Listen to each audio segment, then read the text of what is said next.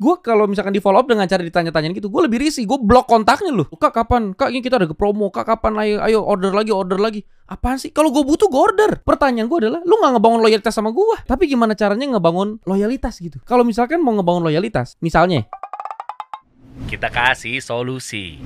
Adit, waduh ini IPO consultant buat teman-teman yang pengen cepet IPO dalam waktu berapa? Tiga jam lagi bisa? jadi kasih solusi. Rencananya ini IPO dalam jangka waktu dekat nih. Iya gak? IPO nih. boleh, boleh, boleh, boleh. Kemarin salaman sama Deddy Corbuzier jadi. Iya. Salaman sama gue jadi nih. Sekarang sama lo jadi nih. IPO nih ya. Tapi bisa bermanfaat buat umatnya nih. Eh, IPO justru apa? Ada orang bilang gini, buat apa lu IPO? Kalau lu tahu nanti 10 tahun lagi perusahaan lu maju, lu nggak usah IPO, lu kok ngejual ke orang lu keep aja. Nah, justru, dengan IPO atau TBK, justru ya Indonesia yang punya kasih solusi. Itu. Bermanfaat buat teman-teman semua. Nanti kita bahas deh satu-satu ya. Sampai akhirnya lu punya satu formula yang bisa dibilang UMKM ini kebingungan gara-gara kalau dia mau optimasi bisnisnya. Iya. Termasuk kemarin TikTok Shop versus nggak versus kayaknya kejam banget ya. Boleh lah TikTok Shop versus UMKM Tanah Abang. Yes. Itu kan rame tuh. Tahunnya ya jelas lah dia terkenal. Ya. Artis yang konten. Ya. Kita nih kalau mau bayar KOL aja, mau bayar key opinion leader atau brand ambassador harus miliaran. Ya. Pasang ads berapa? Ya kan misalnya kayak apa tuh di luar sana, Original, Scientific dan lain sebagainya kan pasti kan gede banget budget ngiklannya. Ya. Mati mereka bisa-bisa UMKM. Ya. Katanya lo bawa satu formula yang juga dipakai sama Jenderal Sudirman. Is. Masa sih? Yes. Strategi marketing Jenderal Sudirman kapan tahu lahirnya? Masa dipakai masih works? Udah nggak laku bro kalau strategi marketingnya. Kalau Jenderal Sudirman udah lama udah Ini, lewat. Hari demen gini mah modern bro. Demen gak nih, demen nih. nih tangkep pak. Kenapa urusan tangkep? Jadi nih ya. coba gimana gimana? Nih nih nih. Bentar bentar bentar bentar. Salah satu caranya adalah intip bentar dong intip dong. I- jadi unik loh. Ini katanya strategi. Ini di blur dulu ya editor Diki tolong akunnya di blur dulu karena memang ada satu akun yang disinyalir menggunakan strategi nggak tahu ya baru apa enggak ya tapi ternyata ini adalah low cost high impact Yes. cocok buat UMKM bahkan Jenderal Sudirman pakai maksudnya gimana nih Iya. ini gimana coba lo jelasin Oke. Pelan-pelan nih ya. Ya, nanti kita bahas dari awal tapi gue mau tipis-tipis ada ini dua, nih. dua advertising cara Oke. UMKM biar lebih mudah coba Iya, contoh. hmm. Lu low budget, lu mau high impact. Lu mau low budget tapi lu mau diingat orang. Kalau bisnis lu misalnya jasa tukang kebun. Lu nyalurin oke human resource buat jadi tukang kebun. oke Gimana caranya? Kan itu pertanyaannya. Iya, Dia Pak. caranya Iya. adalah Oke. pakai guerrilla marketing. Gerilyanya apa? Dia kalau kasih kartu nama nih. Eh, ini kartu nama. Tapi yang dia kasih bukan kartu nama tuh. Kartu nama itu amplop kecil seukuran kartu nama yang isinya adalah bibit sama pupuk. Oke. Maksudnya kenapa? Kenapa nggak polos-polos kartu nama aja? Dibuang lah. Lu dapet kartu nama lu apain? Lu Buang. Eh, buang. Maaf ya klien. Eh, pasti. Kan Enggak, gua nggak buang lu kok. save dulu nomornya. Enggak juga, bakar. Bucet. Jadi lu Enggak, pasti pasti buang. Enggak, maksudnya itu Ya, oke. make sense lah. Enggak Ya. mungkin kita ngumpulin kartu nama udah nggak zaman. Tapi kalau lu kasih kartu nama bentuknya bibit, bibitnya ditanam nggak? Kalau lu kasih kartu nama kan sesuai target pasar lu. Kalau Iya. target pasar lu adalah punya kebun, dia dapat bibit, masa dia nggak tanam? Dia punya tanam, ya tanam aja. Kalau ada yang tanam terus jadi pohon, nama lu, brand lu pasti diingat sampai berapa puluh tahun. Ini selama pohon itu hidup ada. Wah, keren. Asik kan? Itulah gerilya marketing. Ada. Makanya dulu Jenderal Sudirman ketika perang menyiasati strategi menjebak lawan pakai gerilya. Gerilya, bukan gerilya marketing. Iya, iya, iya, Gerilyanya itu tuh. Iya, paham, paham. Gue takutnya nanti sini dituntut sama Jenderal Sudirman University atau apa ya kan? Keluarganya. Emang tujuan gue memang menjebak lo. Makanya di depan gue bilang, jangan-jangan lo Ini semenjak masuk ke sono jadi suka mensomasi orang ini ya. Ya, paham ya. Teman-teman, ya, itu strateginya. Jadi kita mengingat bahwa kalau di versi gua di branding and marketing era evolution gitu ya, udah lagi nggak ngomongin produk tapi lebih kepada apa yang dia rasakan. Misalnya marketing 3.0, lu beli jadi siapa? Kalau ketemu sama tukang jasa kebun kayak begini, tukang kebun gitu ya, lu pasti ingat begitu pohonnya tumbuh sampai lu punya anak cucu, lu mengingat bahwa kayak ini jasa tukang kebun yang pernah berarti buat hidup gue. Mau nggak mau ketika ada yang nanya, eh lu kenalan jasa tukang kebun nggak? Rekomendasinya ke sini, apalagi buahnya maksimal bibitnya. Iya. Ini baru satu ya? Satu, uh, menarik bro, bener. Oke, kan kalau bahasa gampangnya guerrilla marketing. Ya. Guerrilla tuh guerrilla itu bahasa Inggris, Iya. Indonesia gerilya gitu aja. Iya, paham. Nah, maksud gue ini gimana formulanya terjadi dan keresahan-keresahan sampai ke kuping, tenaga, materinya UMKM ini kan Ya. mereka tahu kok, mereka denger kok strategi marketing, mereka udah pakai gitu loh. Tapi Strategi nyatanya marketing, ya. boncos lah, nggak punya uang, biasanya gitu loh. Yes. Gimana caranya gue berjuang lihat gaya-gaya di Amerika coba lihat satu lagi deh, satu lagi deh, pecahin kaca nih. Ini kan juga bagian dari guerrilla marketing ya. Nah ini kiri kiri kiri kiri. Ini kan Yes. Jadi gini, ini ada kaca 3M ya, ini masuk juga lah di Indonesia. Dia mau nge-branding, kacanya paling kuat. Kalau pakai teknik yang 1.0, 2.0 yang ketinggalan kan produknya dikasih uh, tulisan branding ya. Kaca paling kuat atau pakai Ya. brand ambassador orang Ya. cowok brotot kaca soyo kuat. ya Dia nggak bayar dong kos kan, Iya. keluar biaya. Dia nyewa halte bus. Berapa mahal sih? Maksudnya nyewa halte bus buat ngasih spanduk ya kan? Tapi dia bisa viral dari situ. Zaman ini belum ada sosmed yang gimana. Tapi sampai masuk TV. Masuk TV kan bayar. Kalau lu punya viralitas, by the way kalau pada demen kata viral viral viral, itu dari tahun 1980 bapaknya guerrilla marketing yang kasih nama viral marketing itu. Oh Sebelum- viral tuh udah ada ya? Siapa Iya. namanya tuh? J. Conrad Levinson. Ah. Nah, jadi dia pakai teknik viral marketing begini. Dia kan harus mikir apa yang bakal menarik. Dia nyewa tempat buat taruh spanduk di halte bus di Kanada. Dia ganti jadi kaca doang. Kaca isinya 3 juta dolar. Ini di Kanada nih. Siapa pun mau pecahin, ambil lu berhasil pecahin, ini no settingan, berhasil pecahin, lu ambil duitnya. Tapi nggak mungkin bisa pecah. 3M ini kan punya banyak lini produk. Salah satunya tuh produk kaca anti peluru. Ini lu mau tembak aja kagak pecah, Pak. Apalagi dengkul lo yang Iya. kopong. Gimana mau hancur? Lo ketok aja bunyinya. Gimana lo mau ngancurin tuh kaca? Iya iya iya. Nah, jadi iya. kalau begini kan artinya langsung jadi omongan orang gila. Tapi apa? 3M, 3M, 3M kuat, 3M kuat, 3M kuat nempel udah di sini. Uh, Asik itu kan? nggak upgrade 1.0 ngomongin produk kuat tapi kalau dengan kata-kata itu terlalu produk banget. Tapi gara-gara dia naikin levelnya dengan aktivitas, libatkan konsumen, terus ada kegiatan mukul, kegiatan nonjok, itu udah 2.0 ke atas tuh. Asik kan? Bingung gue juga. Asik ternyata. Tapi ya. lucunya di luar negeri konsep ini tuh udah pasti umum dipakai. Orang-orang di universitas di sana pasti dapat dua SKS tentang guerrilla marketing. Lu kalau ketemu orang luar, kalau ngomong guerrilla marketing, kalau dia kuliahnya bisnis administrasi, pasti dia tahu guerrilla marketing. Tapi kalau kita ngomong di Indonesia, balik lagi salahnya udah dari awal. Dari awal aja kagak diajarin mau bagaimana? Oh, lo maksudnya mau bilang bahwa dosen-dosen kita bodoh di Indonesia nggak ngajarin kampus-kampus eh, yang berkeliaran di Indonesia. Siapa sebut? Yang mana? Nih. Dosen bodoh yang mana? Jadi justru gue bikin begini apa ini? Gue justru mewakili para dosen yang ingin itu jadi SKS. Tapi mungkin Bro Derry nggak setuju sama pemerintahan kita yang sekarang. Lo jangan kiri ke situ dong. Kenapa jadi gue yang kena lo? Gue tuh pro pemerintah sampai dibilang sama OMKM Tanah Abang katanya penjilat pemerintah. Nah, Ya bener. Bismillah komisaris. Eh, menteri pemberdayaan wanita. Aduh, suka olahraga gak? Suka dong. Waduh, tapi nggak usah olahraga lah kalau mau jadi menteri olahraga mah. Kayak jadi gara-gara guerrilla marketing bisa dapat 27 miliar di rekening ATM lo. Ya, cuman tadi lu bilang kan cuma satu persen, berarti lu kan dua dua dua koma tujuh t ya rekening lu ya? 27 miliar. Yang kan ada banyak ditransfer mendadak masuk uang. Ayo oke, Aduh. fokus ya. Gimana bro? Gimana bro? Ini ini ini, ini keresahan UMKM ini harus dibantu bro. Gimana Iya. gimana? Nah, tapi gue serius nih ya, Ya. karena mm, Gimana sih ini awal mulanya kenapa tiba-tiba ada beginian nih peneliti? Ini kan pasti kan ada profesornya dong. Iya, iya, Iya iya. kan iya. pasti kan ada ilmuannya, Iya. penemunya dan seterusnya. Gara-gara apa? Oke. Nah, apalagi di Indonesia mungkin UMKM tuh mindsetnya harus pakai ads misalnya Ya. untuk optimasi. Akhirnya mungkin gaya-gaya sederhana yang kayak gini nih, ya low cost, low biaya produksi tapi impactful gitu, Yes. ti- tinggi banget gitu. Yes, Gimana yes. bro? Jadi awalnya Hmm. ada satu orang tahun 1980-an itu J. Conrad Levinson. Dia itu vice president di J. Walter Thompson. Kalau kita ngomong kantor marketing, nah itu ada J. Walter Thompson, Ogilvy dan segala macam. Hmm. Nah dia salah satu vice president di kantor marketing yang sangat besar.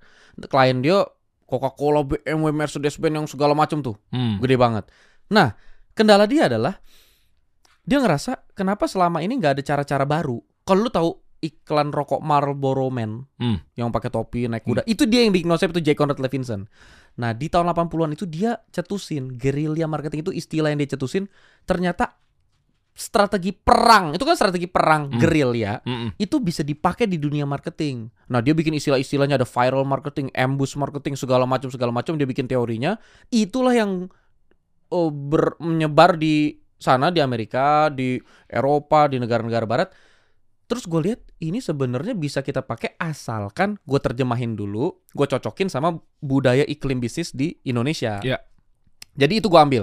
Sederhananya guerrilla marketing adalah cara menjual barang kita, memasarkan barang kita dengan low cost tapi impactnya jauh lebih tinggi. Modalnya satu kreativitas. Wah ini Satu. catat ya. Berarti kan eh, Ada modal. UMKM itu harus dibibiti sama kreativitas. kreativitas. Kalau nggak punya nggak ada, kreatif, nggak bisa, nggak bisa. oh ya berarti kreatifnya sebenarnya sih sebenarnya nol rupiah ya sebetulnya. Yes. Ya memang kalau lu mau belajar ilmu kreatif ya ada cost yang keluar. Tapi dirasa-rasa bisa diasah untuk ngegali Betul. kreativitas. Maksud gua Hmm. adalah kenapa ngomong gini? Maksudnya kalau kita udah kagak ada budget, terus kita kagak kreatif juga, mendingan kagak usah bikin bisnis. Hmm. Karena udah kagak ada ini. Kalau lu punya budget, lu nggak usah kreatif. Bayar orang kreatif. Iya, iya, iya. Lu udah kagak punya budget, gimana nih caranya kami mau maju melawan ini melawan itu tapi kami kecil. Ya udah, nggak ada modal, kreatif. Tapi saya juga tidak kreatif. Ya udah nggak usah maju, jadi karyawan. Karyawan juga, tapi saya nggak dapat promosi. Ya karyawan juga kagak maksimal gimana mau jadi pebisnis? Udah. Jadi tadi kan tanya UMKM kenapa nggak bisa maju? Hmm. Simple. UMKM produk apa pun, lu mau jualan caranya bagaimana? Coba UMKM produk apa pun sekarang mau jualan caranya bagaimana? Iya, sosial media. Oke, itu yang paling terkenal sekarang Hmm. digital lah ya. Hmm. Misalkan contoh deh, sebelum ke situ, website dulu dah. Hmm. Semua perusahaan besar, korporat semua udah punya website. UMKM berapa persen punya website sih? Website aja tuh apaan website ya? Dia juga nggak ngerti website. Dari Oke. secara teknologi udah pasti ketinggalan. Pun punya website terus mau diapain? SEO, SEM, kayak gitu-gitu lah. ya. Hmm. Hmm. Semua tekniknya itu udah dilakuin semua sama korporat. Lu mau pakai teknik SEO kayak apa? Korporat udah hire 10 orang SEO khusus buat satu brand misalnya. Hmm. Dia orang SEO aja nggak bisa hire. Nah, karena marketing aja masih merangkap. Hmm. Berapa orang marketing lu? Satu. Dia kameramennya, dia editornya, dia kreatifnya, dia juga semuanya dah. Oke. Jadi cara apa pun yang lu mau lu pikirin, kemungkinan besar menurut gua udah pasti kalah sama korporat. Misalkan lu mau pakai sosial media, Hmm. lu mau ngapain? Cuman dua pilihan, organik atau ngiklan. Oke, organik berarti kan eh, butuh ketangkasan ya. Ketangkasan. Konten-kontennya, Iya. talent siapa yang dipilih. Oke, Tapi namanya organik kan, kalau kita kagak ada modal, ujung-ujungnya organik apa? bayar pakai Iya. ads. Kalau kita organik nih, itu aja kita butuh konten kreator lagi. Entah hire satu orang khusus atau kita pakai agency. Tapi kan di sana kita udah tahu persis begitu-begitu aja kan. Mau brand apa juga paling edukasi. Iya. Tiga cara mencuci wajah. ya apa deh? Beneran serius. Iya benar. Iya begitu-begitu aja. Iya benar. Sedangkan kalau misalkan em, kita ngiklan, lu mau ngadu ngiklan bagaimana caranya? Lu ngiklan, oh pak saya udah ngiklan. Tapi kenapa omset saya segini-segini aja? Lu iklan berapa bro? Saya udah iklan pak 5 juta sebulan. Masalahnya kompetitor barang yang sama, sarung. Lu jual sarung? Iya saya jual sarung pak. Kompetitor sarung anda adalah Safir. Hah. Dia kalau udah masuk ke kasih solusi, udah Waduh. nggak mungkin bisa ngelawan brand yang lain deh. Dia udah nomor satu langsung.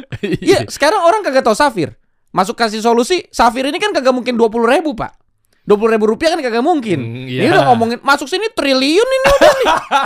Nah, sedangkan UMKM coba, Amin. coba mana mungkin. Jadi UMKM punya cara tuh nggak mungkin bisa ngelawan. Lu mau apa? Nah. Mau masuk ke built-in begini apa? Jadi lu mau pakai cara apa pun, gue yakin lu nggak bisa. Endorse artis.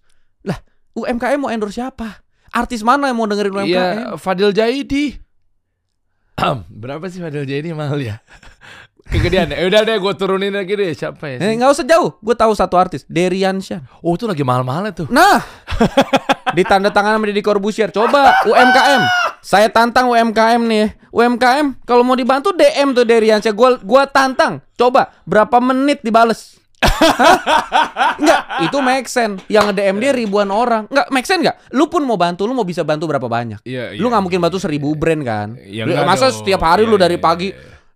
Begitu nggak mungkin. Tapi Iya. maksud gua artinya harus ada cara lain selain endorse artis. Karena endorse artis lu bisa endorse oh saya udah ini coba pak endorse artis Tanjung Priuk. Ih dia endorse artis Tanjung Priuk. Followernya ada berapa? Ada 12 ribu orang pak.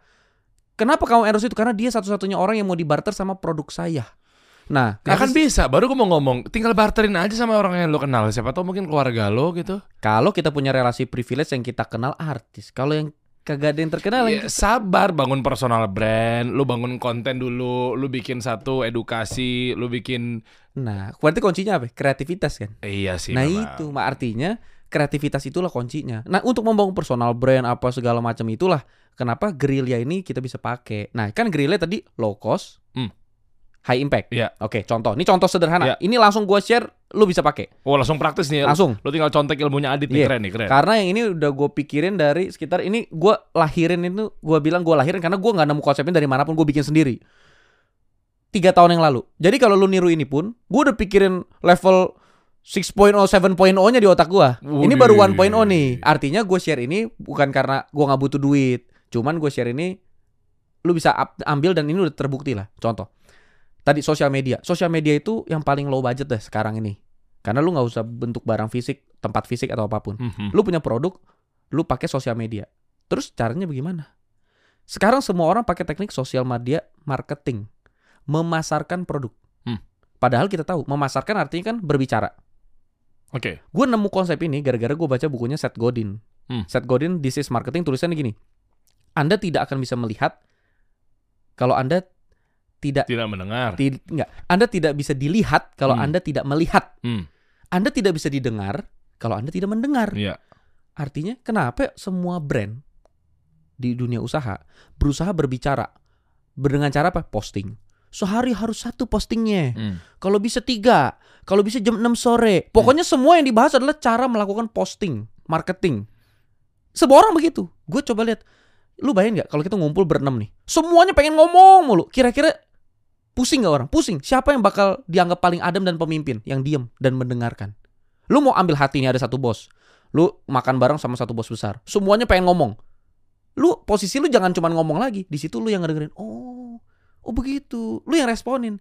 Kalau lu mendengar, lu udah satu poin lebih daripada yang berbicara. Hmm. Nah, sekarang gini. Secara mencuat juga oke ya, karena kan Seth Godin juga pernah bilang juga jadilah sapi ungu di antara sapi-sapi Yes. yang berwarna normal gitu istilahnya ya. Yes. Hmm. Jadi konsep sederhananya misalnya begini. Kita kalau buka sosmed, anggaplah buka IG. Hmm. Kita pengen dong ngelihat apa sih yang hari ini diposting temen gua, apa sih? Tapi kalau kita posting sesuatu kemarin atau tadi, yang kita cek notif dulu kan. Iya. Berapa likes-nya? Berapa komennya? Siapa yang komen? Siapa yang likes? Sering juga nih share story. Eh, si doi udah lihat belum? Wih, doinya udah lihat. Oke, delete, delete. Yang penting mission accomplished. kan targetnya kan dilihat sama si doi. Iya. Artinya kita kalau melakukan postingan kita berbicara. Yang kita incar apa? Didengerin orang. Lu posting pasti lu pikir view-nya udah berapa? View-nya udah berapa? Eh, eh. Lu buka YouTube sekarang mungkin bukan lagi nontonin konten. View gue udah berapa? Yang ini view gue udah berapa? Maksudnya kalau kita ngomong, kita tuh pengennya didengerin. Customer kita kan ngomong juga. Oh, jadi ngomong sama ngomong positif ketemu positif beradu tuh ya. Iya dong. Iya. Customer ngomong, "Eh, saya butuh nih gini gini gini." Ih, belum bukannya didengerin kita sebagai sales di sosial media. Sebentar, Bu. Ini Ibu, Ibu harus tahu ya. Tiga cara mencuci muka. Satu, step satu, step dua, step tiga. Oh, nah kesannya kalau langsung ngomong langsung kan gitu. Iya, iya. nah, iya, jadi iya. misalkan gini, contoh, gua kasih contoh misalnya. Waktu itu buat klinik kecantikan. Oh, karena lu adalah konsultan brand. Khusus klinik kecantikan. Oh, berapa brand? Lu pegang? 250-an. 250 Pantesan lu followersnya 1 juta men di Instagram. Nanti gue ceritain kenapa gue itu bukan gara-gara itu, itu gara-gara gue nikah sama istri gue, istri gue terkenal. Seriusan, istri gue pengikutnya jutaan oh, orang juga. berarti lu pansos. Pansos, Oh iya iya iya. itu udah ada MOU itu pisah follower. nah, jadi maksudnya gini, Iya. em, poin gue adalah ketika kita misalkan punya klinik kecantikan, Heeh. semua klinik kecantikan ngapain? Semua klinik kecantikan posting ini adalah IPL, IPL adalah treatment Aduh, begini, treatment iya, begini. iya, tahu, tahu. Pokoknya semua begitu. Gue yakin Iya, gue. Iya, iya, tahu. Agency semua begitu Eh. di otak gue. Ya biasa. Gue nggak mau nanganin yang begitu. Gue nggak mau nanganin yang biasa. Berarti salah dong sosial media marketing salah. Bukan salah, biasa. Oke, nah lu ganti jadi apa bukan sosial media marketing? Iya. Marketing kan marketing kan tetap pasti ya kita pasti ngomong lah. Iya, kan kalau iya. nggak ngomong gimana? Tapi gue kasih satu yang sosial media listening. Sosial media listening tuh gini. Kalau ada formulir pasien baru, ini bisa berlaku di semua toko offline. Jadi yang bukan toko offline mungkin agak sulit. Hah. Tapi kalau toko offline ada domisili lokasi itu bisa. Restoran juga bisa segala macam. ah. Ini hmm, masuk pasien baru dikasih formulir. Biasanya dimintanya nama, nomor Iya, Handphone, buat database sudah. email, Iya. email ya kan. Heeh. Gue tanya nih, selama 10 tahun berdiri email pernah dipakai gak buat apa?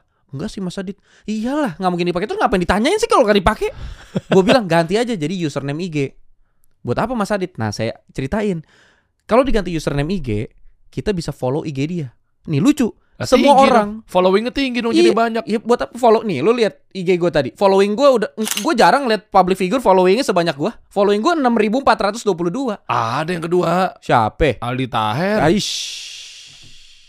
Coba cek deh, Aldi Taher juga banyak. Coba. kok. Nih, gua aduh jangan-jangan gue lebih tinggi dari Aldi Tahir. Coba dicari Aldi buka, nah, sambil buka. dicari Aldi Tahir, sambil Eh, dicari eh, nih ya. eh, eh, eh. Jadi maksud gua adalah following banyak kan nggak ada masalah. Yang penting omset tinggi dong, Bos. Jadi following banyak nggak masalah. Following banyak terus buat apa? Hmm. Di mana-mana klinik banyakin follower. Hmm. Kamu follow saya, kamu dapat diskon voucher 10%. Eh, dia follow nih. Dia keluar dia ngapain? Unfollow. Hmm. Ya, lu dapat diskon restoran apa lu follow, lu Iya, unfollow iya, lagi. Iya, iya benar benar benar. Wah, Oh. bener gua masih kalah sama dia. Tuh kan gue bilang kan. Waduh.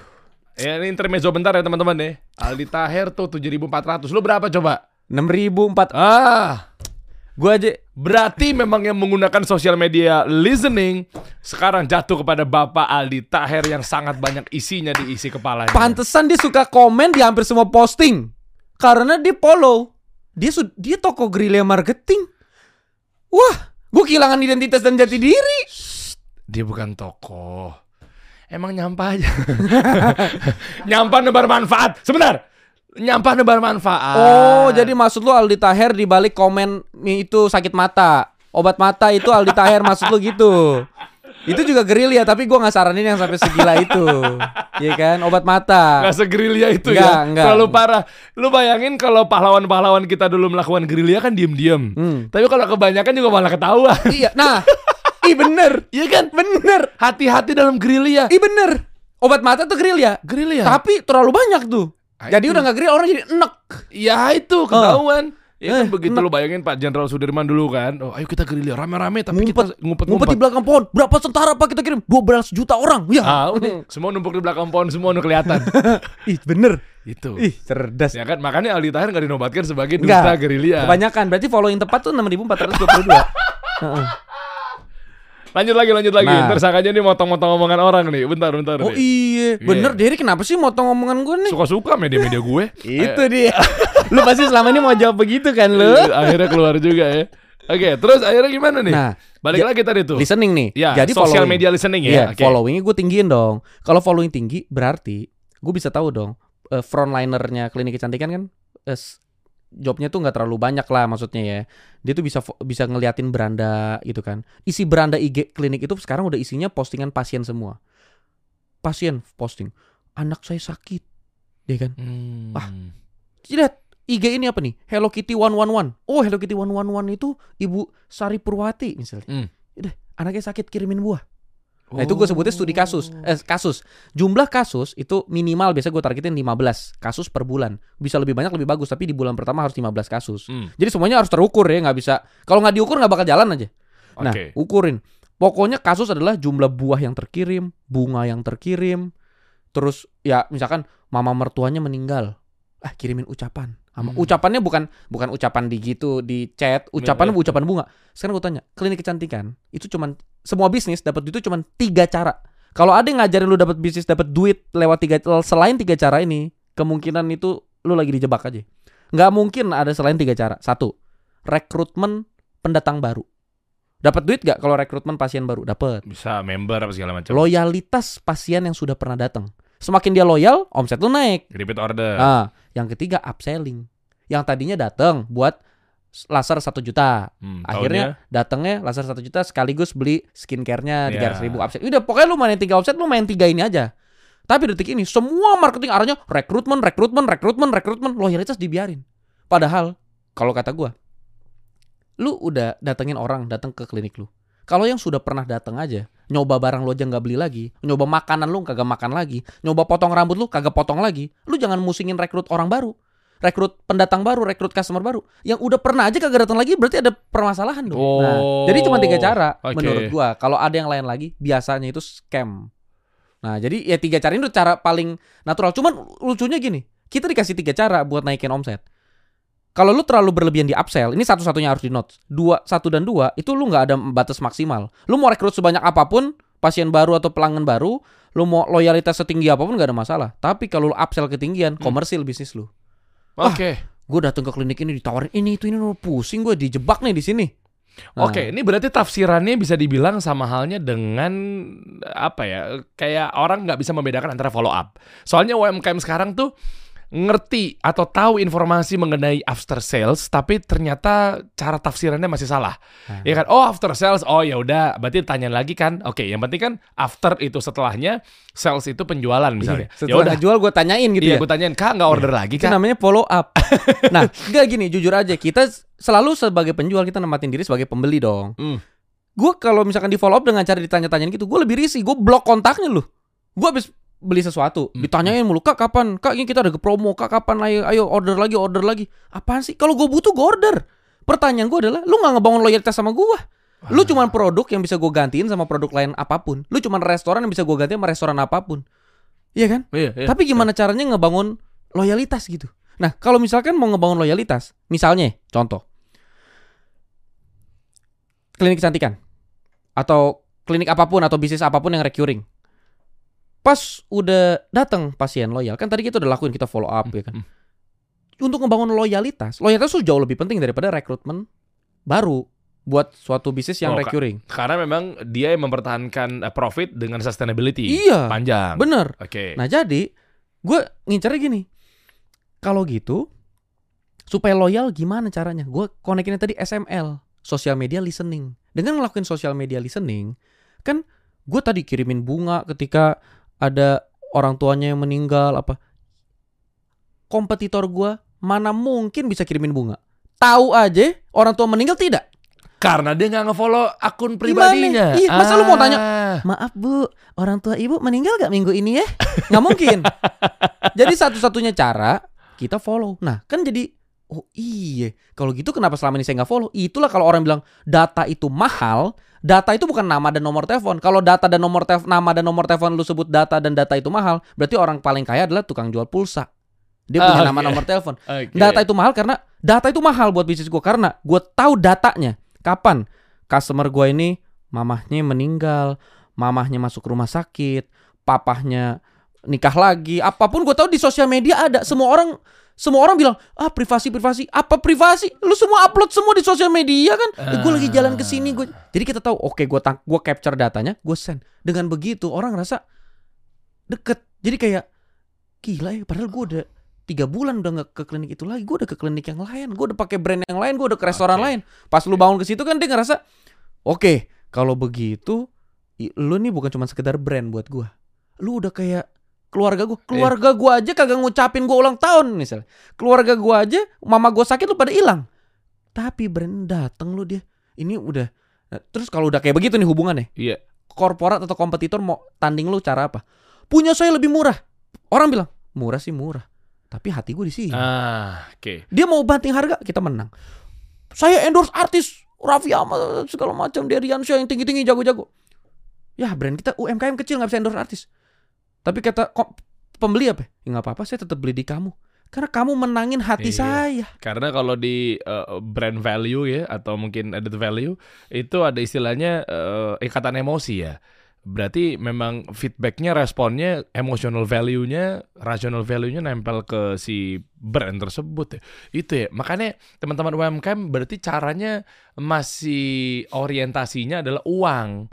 Kalau untuk bangun brand, untuk optimasi marketing, uang ya. demen nih gue nih nih ya itu Iya. pedagang Ya. bukan pebisnis Ah. pedagang mikirnya cari duit tapi pebisnis mikirnya bikin usaha yang bisa berpanjang kalau pedagang hari ini dibuka di jalan besok dia sakit besok dia ke mana Iya. jalan-jalan ke luar negeri ya harus tutup udah nggak dapat duit lagi Iya. kalau pebisnis dia bangun sistemnya yang tadi follow up emang dokternya kan bukan bukan ownernya frontlinernya kan Ah. yang follow up ini frontlinernya yang ngirimin salesnya jadi nggak ada hubungan sama dianya langsung Oke, tapi gini, kalau udah dicoba seperti itu, yes gue ngomong satu-satu dulu ya. Dari Hmm. segi cost kan juga lu harus beli bunga, yes lu harus beli kue. Betul. Ya kan itu kan cost juga, bro. Bener.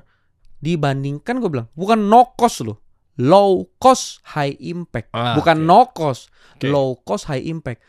Kadang-kadang low cost, kadang-kadang no cost, tapi kebanyakan low cost dalam artian kita namanya bisnis pasti ada modal lah. Marketing pasti ada modal. Kan sekarang cuma tentang gimana pakai modal yang ada bisa lebih maksimal. Itu tadi satu SML. Iya. Ini kalau kita ngobrol nih sampai 12 jam, gue bagi semua. Pokoknya nggak bakal apa yang ada di otak gue nih pasti gue kasih. Coba apalagi dong bantu mereka semua. Tadi berarti low cost kan? Iya low cost. Nah, low cost yang dimaksud adalah jadi nggak gede biaya marketingnya dengan ikatan emosi. Tapi apakah nanti begitu kirimin kue, buah dan lain sebagainya, Menjamin ah dia itu balik ya kan? Iya, inget brandnya aja mungkin. Oh ya udah thank you ya gitu misalnya. Boro-boro kita dapat WhatsApp baru dari dia gitu kan kayak kak makasih loh kak udah dikirimin kuenya misalnya.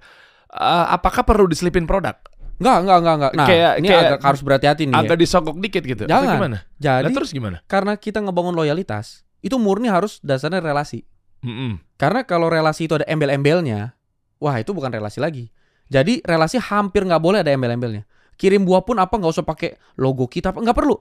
Yang benar-benar kita bangun relasinya. Jadi dia nggak berpikir kayak, ih gue udah lagi susah, lu malah manfaatin Hmm. kesusahan gue. Nggak ada. Kita benar-benar iya, iya. tujuan kita benar-benar tulus mau ngebangun customer relationship yang bener. Jangan jadi jangan niatnya jadinya keputer. Bener, si yang- customer juga kan nggak bodoh-bodoh amat ya. Iya. Begitu ucapan set set set tiba-tiba kayak begitu ada wah ada kartu. Eh kok kartunya double nih? Dibuka belakangnya promo Iya, skincare.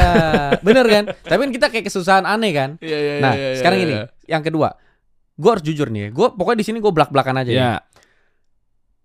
Marketing itu bagus, guerrilla marketing itu bagus. Eh. Tapi kalau lu mulai dengan guerrilla marketing, udah gue jamin gagal. Gue padahal ngedukung guerrilla marketing, Eh. gue jamin gagal karena mau guerrilla marketing, digital marketing, apa pun nama istilahnya flywheel marketing, apa pun ya. Marketing itu artinya kan memasarkan pro- produk atau jasa yang udah ada. Hmm. Kalau produk dan jasanya nggak punya positioning yang kuat, apa yang mau dijual? Cara terbaik membunuh bisnis adalah milikilah produk dan jasa yang biasa saja bahkan tidak enak atau tidak bagus, tapi milikilah tim marketing yang kuat. Itu cara tercepat membunuh bisnis. Lu jual nasi goreng. Nasi goreng lu biasa aja bahkan cenderung kagak enak. Lu tetap bisa stay 12 tahun jualan begitu. Kit, ada orang bisa stay jualan begitu 12 tahun karena makan, kecewa tapi kan kagak ngomong-ngomong. Kagak Hmm. diviralin. Hmm. Ya udah. Jadi di situ penduduknya ada 12 juta orang. Ya bulan ini makan 200 orang kecewa nggak balik lagi. 200 orang baru lagi makan kecewa nggak balik lagi. Begitu aja sampai 12 tahun akhirnya semua penduduk udah nyobain. Hmm. Tapi kalau lu viral, 200 orang pertama nyobain.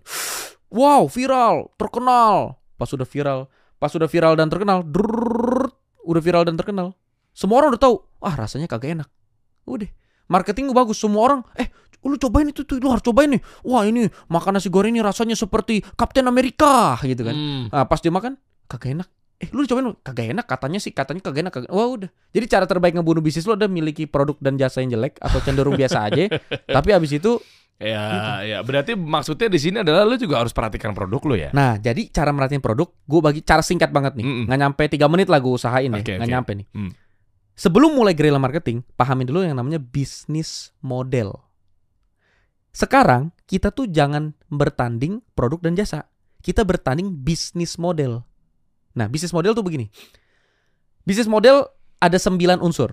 Gue cepet banget. Unsur pertama, customer segment. Siapa yang lu layanin. Semakin spesifik orang yang lu layanin, semakin bener dan semakin bagus.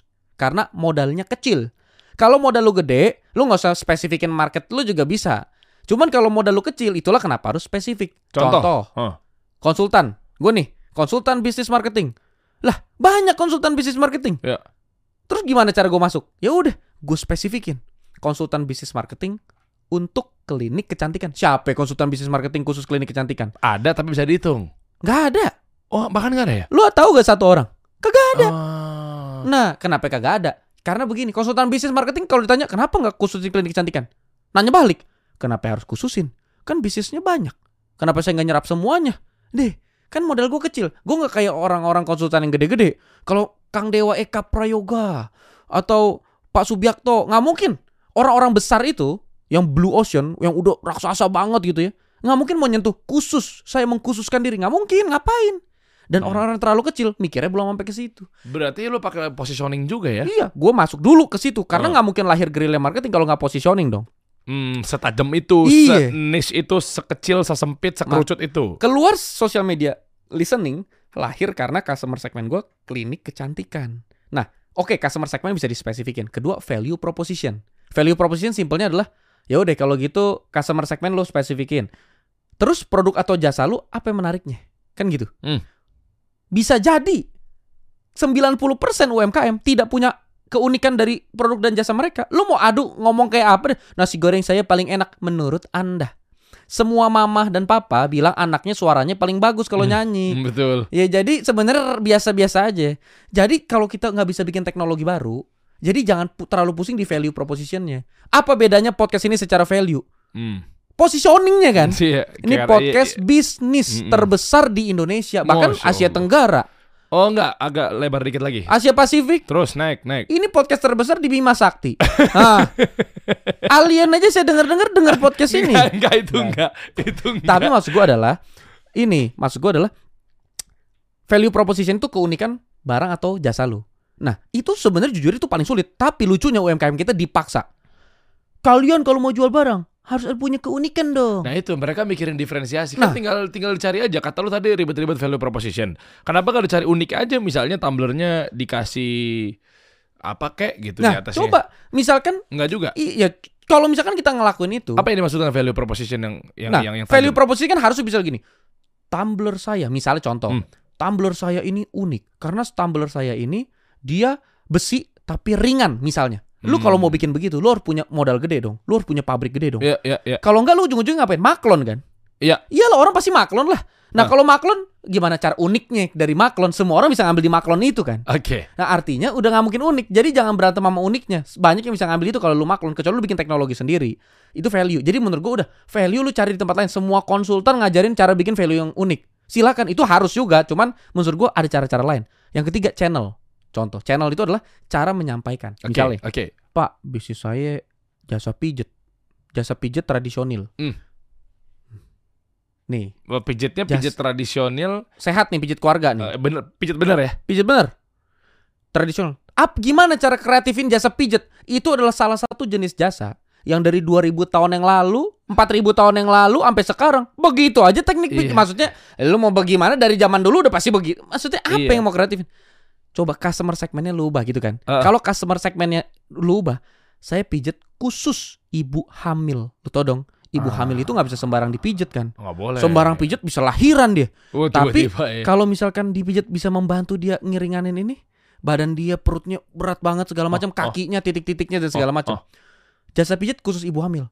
Channel itu poin poin tiga adalah channel itu baru ngomongin marketing. Channel itu adalah cara menyampaikan value ke customer segment. Value-nya apa? Pijat. Uniknya apa? Nggak ada. Jasa pijat kamu uniknya apa? Nggak ada. Pijat aja biasa. Cuman karena customer segment saya khusus ibu hamil, maka value saya jadi punya nilai. Saya menyesuaikan diri untuk hanya memijat dengan teknik yang aman buat ibu hamil dan pemijat-pemijat saya bukan sembarang pemijat. Ini adalah para bidan yang kehilangan pekerjaan. Hmm, oke, gue nangkep nih. Ini gue coba sederhanakan ya, keren-keren ya Adit nih.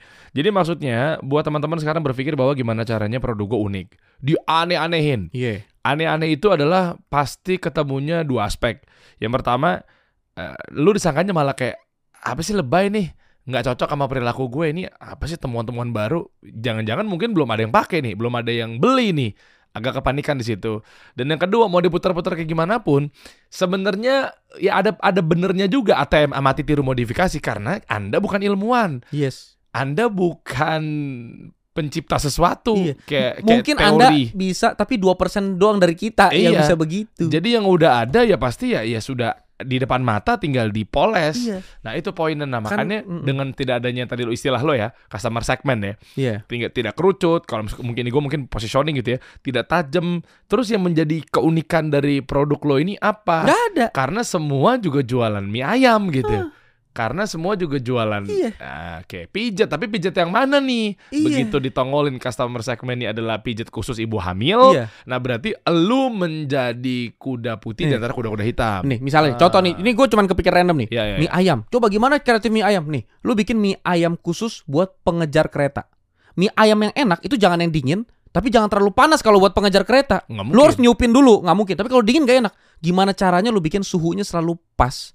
Suhunya lu harus atur. Iya, iya, Jadi itu pi- mie ayam namanya kereta cepat, mie ayam kereta cepat. ah Buat orang jualannya cuma di stasiun kereta, buat orang yang memang kelaparan nggak bisa makan tapi harus cepet tapi pengen mie ayam. Ya kalau dia nunggu dulu biar panasnya hilang dulu mungkin. diangkat-angkat, diangkat-angkat kan nggak mungkin. Nah, tapi kalau langsung dingin nggak bisa. Lu bikin pop mie secepat-cepatnya pop mie, airnya panas banget kan? Iya. Nah, berarti lu udah harus bikin mie ayam yang panasnya itu pas. Misalnya begitu contoh. Oh, air suhunya mungkin Iya berapa tinggal derajatnya. iya tinggal di set derajatnya doang ya kan. Iya, iya, iya. Kan orang biasa mie ayam ngapain sih mikir begitu kan bisa ditiup-tiup pak Nggak bisa nih kereta cepat pak Nah Iya, misalnya iya. begitu Maksud gue kalau customer segmennya kreatif Value lama-lama jadi ngikutin Oh iya begini Apalagi digaungin ya. Kalau tadi nggak digaungin, kayak suhunya rata-rata atau suhunya stabil atau dia, iya cuma biasa aja ngomongin produknya, pasti orang ngiranya, ya udah nggak ada yang spesial, malah bisa jadi blunder. Iya. Tapi gara-gara di brandingin, diangkat, dikasih copywriting, eh, mie ayam kereta cepat misalnya, Iya. mie ayam khusus eh, pengejar kereta misalnya, Iya. itu kan jadi naik ya Iya, value-nya. ya? mak- Makanya itu kan Hmm. apa yang kreatif Itu cuman kreatif itunya doang Maksud gue customer segmennya Terus channel nih Tadi misalkan pijet ibu hamil Mana ada sih tukang pijet Kerjasamanya Sama rumah sakit. Kagak nyambung Ya. Tapi Nah ini Kalau kita pijet khusus ibu hamil Kita bisa dong kerjasamanya sama rumah sakit. Ibu hamil pasti konsul ke dokter Tapi kan kalau di dokter itu biasanya itu nggak suka bro. Eh apa bukan nggak suka ya. Dokter itu pasti kan ada sesuatu dengan ya kompetitor kali ya sama tukang pijit gimana dong. Mana bisa Misal Dokter mah kan tetap konsul kan tetap ke Nah, dokter buktinya banyak dokter-dokter yang menganggapan bahwa hati-hati jangan pijit-pijitnya patah tulang sama tukang. Ah itu. Ah. Kalau kolaborasi kan nggak akan kawin. Kawin dong. Kenapa nggak kawin? Karena mereka tuh entitas terpisah. Nih ada tukang pijat, keretok-keretok misalnya, Hmm. tukang pijat biasa. Dia tidak fokus ke ibu hamil. Oke. Lu jangan ngomong keretok deh, kalau keretok bisa perdebatan nih. Hmm. Tapi pij- pijat biasa, dia nggak fokus ke ibu hamil. Cara pijat yang tidak fokus ke ibu hamil bisa mencederai Ya, kehamilan ibu. Tapi kan tadi lu bilang katanya kolaborasi sama rumah sakit. Iya, dengan cara apa? Yang mijet kan gue bilang tadi bidan. Bayangin, yang mijet aja Ah, bidan. Berarti bijannya Nah, yang diangkat Bi- sebagai iya dong. kang pijit. Karena customer segmen kita ini kan kuat kan. Artinya kolaborasinya apa? Lu kalau lu udah tahu customer lu udah pasti ke rumah sakit, udah pasti ke dokter. Jangan-jangan lu bisa kolaborasi sama dokternya, "Dok, selama orang ini datang dan mijet, pokoknya dokter dapat juga persentase misalnya, tapi dokter Ah. nggak boleh jualan katanya." Ya, tapi maksud gue begini tuh the point-nya. Gue takutnya nanti rana order etik nih. Tapi channel, tadi channel intinya channelnya jadi bisa lebih kreatif. Oke, misalnya begini. Yang seru nih ya. Tadi customer segmennya siapa? ya? Ibu hamil Hmm. value propositionnya bisa gak berganti bisa tiba-tiba pandemi ya kan? Hmm. tiba-tiba pandemi. Terus gimana dong bisnis pijat gua tutup? Tapi karena customer segmen kita spesifik pandemi nggak pandemi ibu mah hamil hamil aja. Iya. artinya hari ini kita bisa tukang pijat. Besok bisa jadi kita jualan susu formula untuk ibu hamil. Besoknya bisa jadi kita jualan daster khusus ibu hamil. Hmm. jadi kalau ditanya lu pebisnis apa? Yang fokus otak kita tuh jangan produk atau jasanya. Customer segmennya dulu. Kan customer segmen nomor satu. Ini by the way ini konsep ini tuh dari Alexander Osterwalder itu dibawa ke sini di Indonesia tuh digaungin sama Profesor Renald Kasali. Gue tuh cuma ngambil doang. Jadi kalau customer segmen itu lu utamain maka produk atau jasa lu boleh berubah-ubah. Yang penting customer segmen lu sama. Ya. itu gampang. Komunitasnya udah ada. Komunitasnya ibu hamil. Ya udah hari ini ternyata bisnis pijat lagi nggak bagus. Ya udah nggak apa-apa lu pivot aja. Tapi yang penting customer segmen. Coba lu nggak punya customer segmen. Mau mau bagaimana cara berubahnya susah Iya. mati udah Betul. Misalnya produk lo itu adalah secara gamblang masih di kulit-kulit doang nih, nggak dalam nih Iya, ya. nih. Misalnya perempuan. ah Ya perempuan, 10 perempuan dijajarin. iya Ya kan belum tentu mereka punya perilaku dan kebiasaan yang sama ya. exactly. Tapi kalau lo masuk dari kebiasaan, misalnya lo ngangkat dengan hamil. Hmm. 10 perempuan kita ngomong jangan lagi teknis yang perihal dia mandul apa tidaknya ya, tapi secara yang Iya. eh, kenormalisasinya ya. 10 perempuan dijajarin, ya ya mereka kemungkinan ya hamil gitu loh. iya Itu maksudnya. Tapi kalau untuk bilangnya iya produk gue ya dipakai buat cewek. Eh cewek yang kayak gimana nih? Nah, kecuali produknya Anda itu memang Anda tuh modalnya gede. Kalau modalnya kita ratusan miliar triliun, brand-brand gede memang dia nggak pakai spesifik-spesifik gini. Menurut dia konyol. Ngapain harus spesifik kalau saya bisa nyerang semuanya? Tapi karena kita UMKM, maka kita harus lebih legowo buat bilang, iya saya tidak bisa menyasar semuanya karena bukan karena saya kreatif, karena saya tidak punya uang. Iya, iya, iya, Nah. Ke channel nomor 4 customer relationship. Yang tadi SML itu gue dapat karena gue mau nekenin ke customer relationship. Artinya gimana caranya ya? Jenis rel- relasi seperti apa? Semua klinik sama pasiennya relasinya adalah dokter dengan pasien. Siapa yang bikin lebih hangat? Ya gue. Dokter itu kan ilmuwan dan pemikir dan orang pinter. Biasanya ngobrol sama orangnya itu ya ya lu tau lah kalau dokter anak kecil aja ibarat kata suka takut. Artinya gue menangin di customer relationship itu dengan cara tadi social media listening yang tadinya nggak ada hubungan apa pun gue dan klinik kecantikan ngapain sih? Tapi dengan gue bangun brand nempel pakai social media listening, jadi mereka punya kehangatan Kedekatan emosi. keintiman. Oke. Nomor 5 revenue stream, cara cari duit. Oh. Nah, tadi contoh tukang pijat nih. Satu kali pijat berapa? Yang cocok buat ibu hamil? 200 ribu? Oke, 200 Oke. ribu. Oke. 200 ribu khusus ibu hamil. Wah, seger deh tuh. 200 ribu ibu hamil. Tapi kan dia hamil paling bisa boleh mijet dan dia tahu hamil aja udah dua bulan usia hamilnya. Hmm. Udah umur lap- bulan 8 mungkin dia udah nggak pijet. Berarti paling mijet 6 bulan. Iya, selama 6 bulan itu aja. 6 bulan Ya, lu doang. dapetin re- eh, iya revenue-nya selama itu. 6 bulan, sebulan mijet berapa kali? Umumnya. Kalau misalnya istri lu hamil. Gua gak pernah hamil lagi. Ah. Ah. Gue dikit hamil nih. hamil basuh. Tapi Berapa gini, ya? Misalnya kira-kira, ini kita contoh doang. Hmm. Kira-kira sebulan misalnya. Iya. Target kita udah lah Pak, dua minggu sekali Oke, pijet. oke. Ya dong. Oke lah ya, jadi nggak terlalu rutin Iya, make ya. sense lah dua minggu Ya. sekali pijet lah. Dua minggu sekali pijet target kita. Satu kali pijet 200 ribu. Berarti dalam 6 bulan dia pijet 12 kali. Ya, Berarti dia keluarin duit 2 juta 400.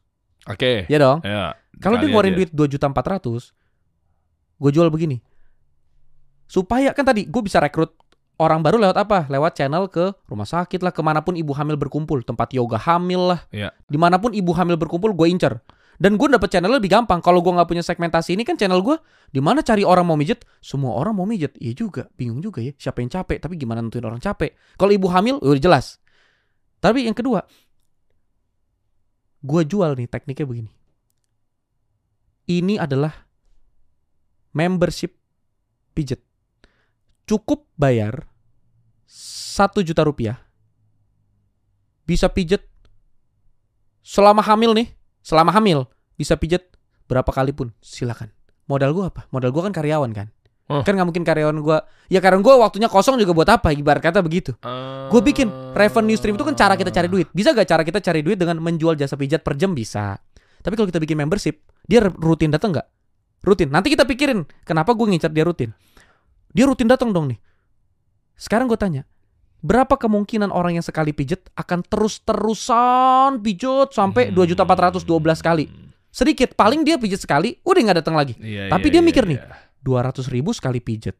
Kalau gue tiap hari. Iya. Ah. Tapi sejuta, gue pijet sampai gue selesai hamil gue sejuta, enak. Nah kita mikir, Pak, tapi bapak berarti kan diskonnya 5 itu kan bapak membayar 5 pijet untuk 12 kali pijet target bapak kan 5 Hmm. per 12 masih aman pak diskon segede gitu 5 per 12 berarti kan diskonnya aja 7 per 12 diskonnya berarti diskon 60% tuh Iya daripada diskon satuan 60% gue bikinin paket Iya, iya. Nah, ya oke lah Pak menarik. Masalahnya nanti di bisnis Bapak kalau dia datang terus-terus Bapak rame tapi nggak dapat duit bagaimana?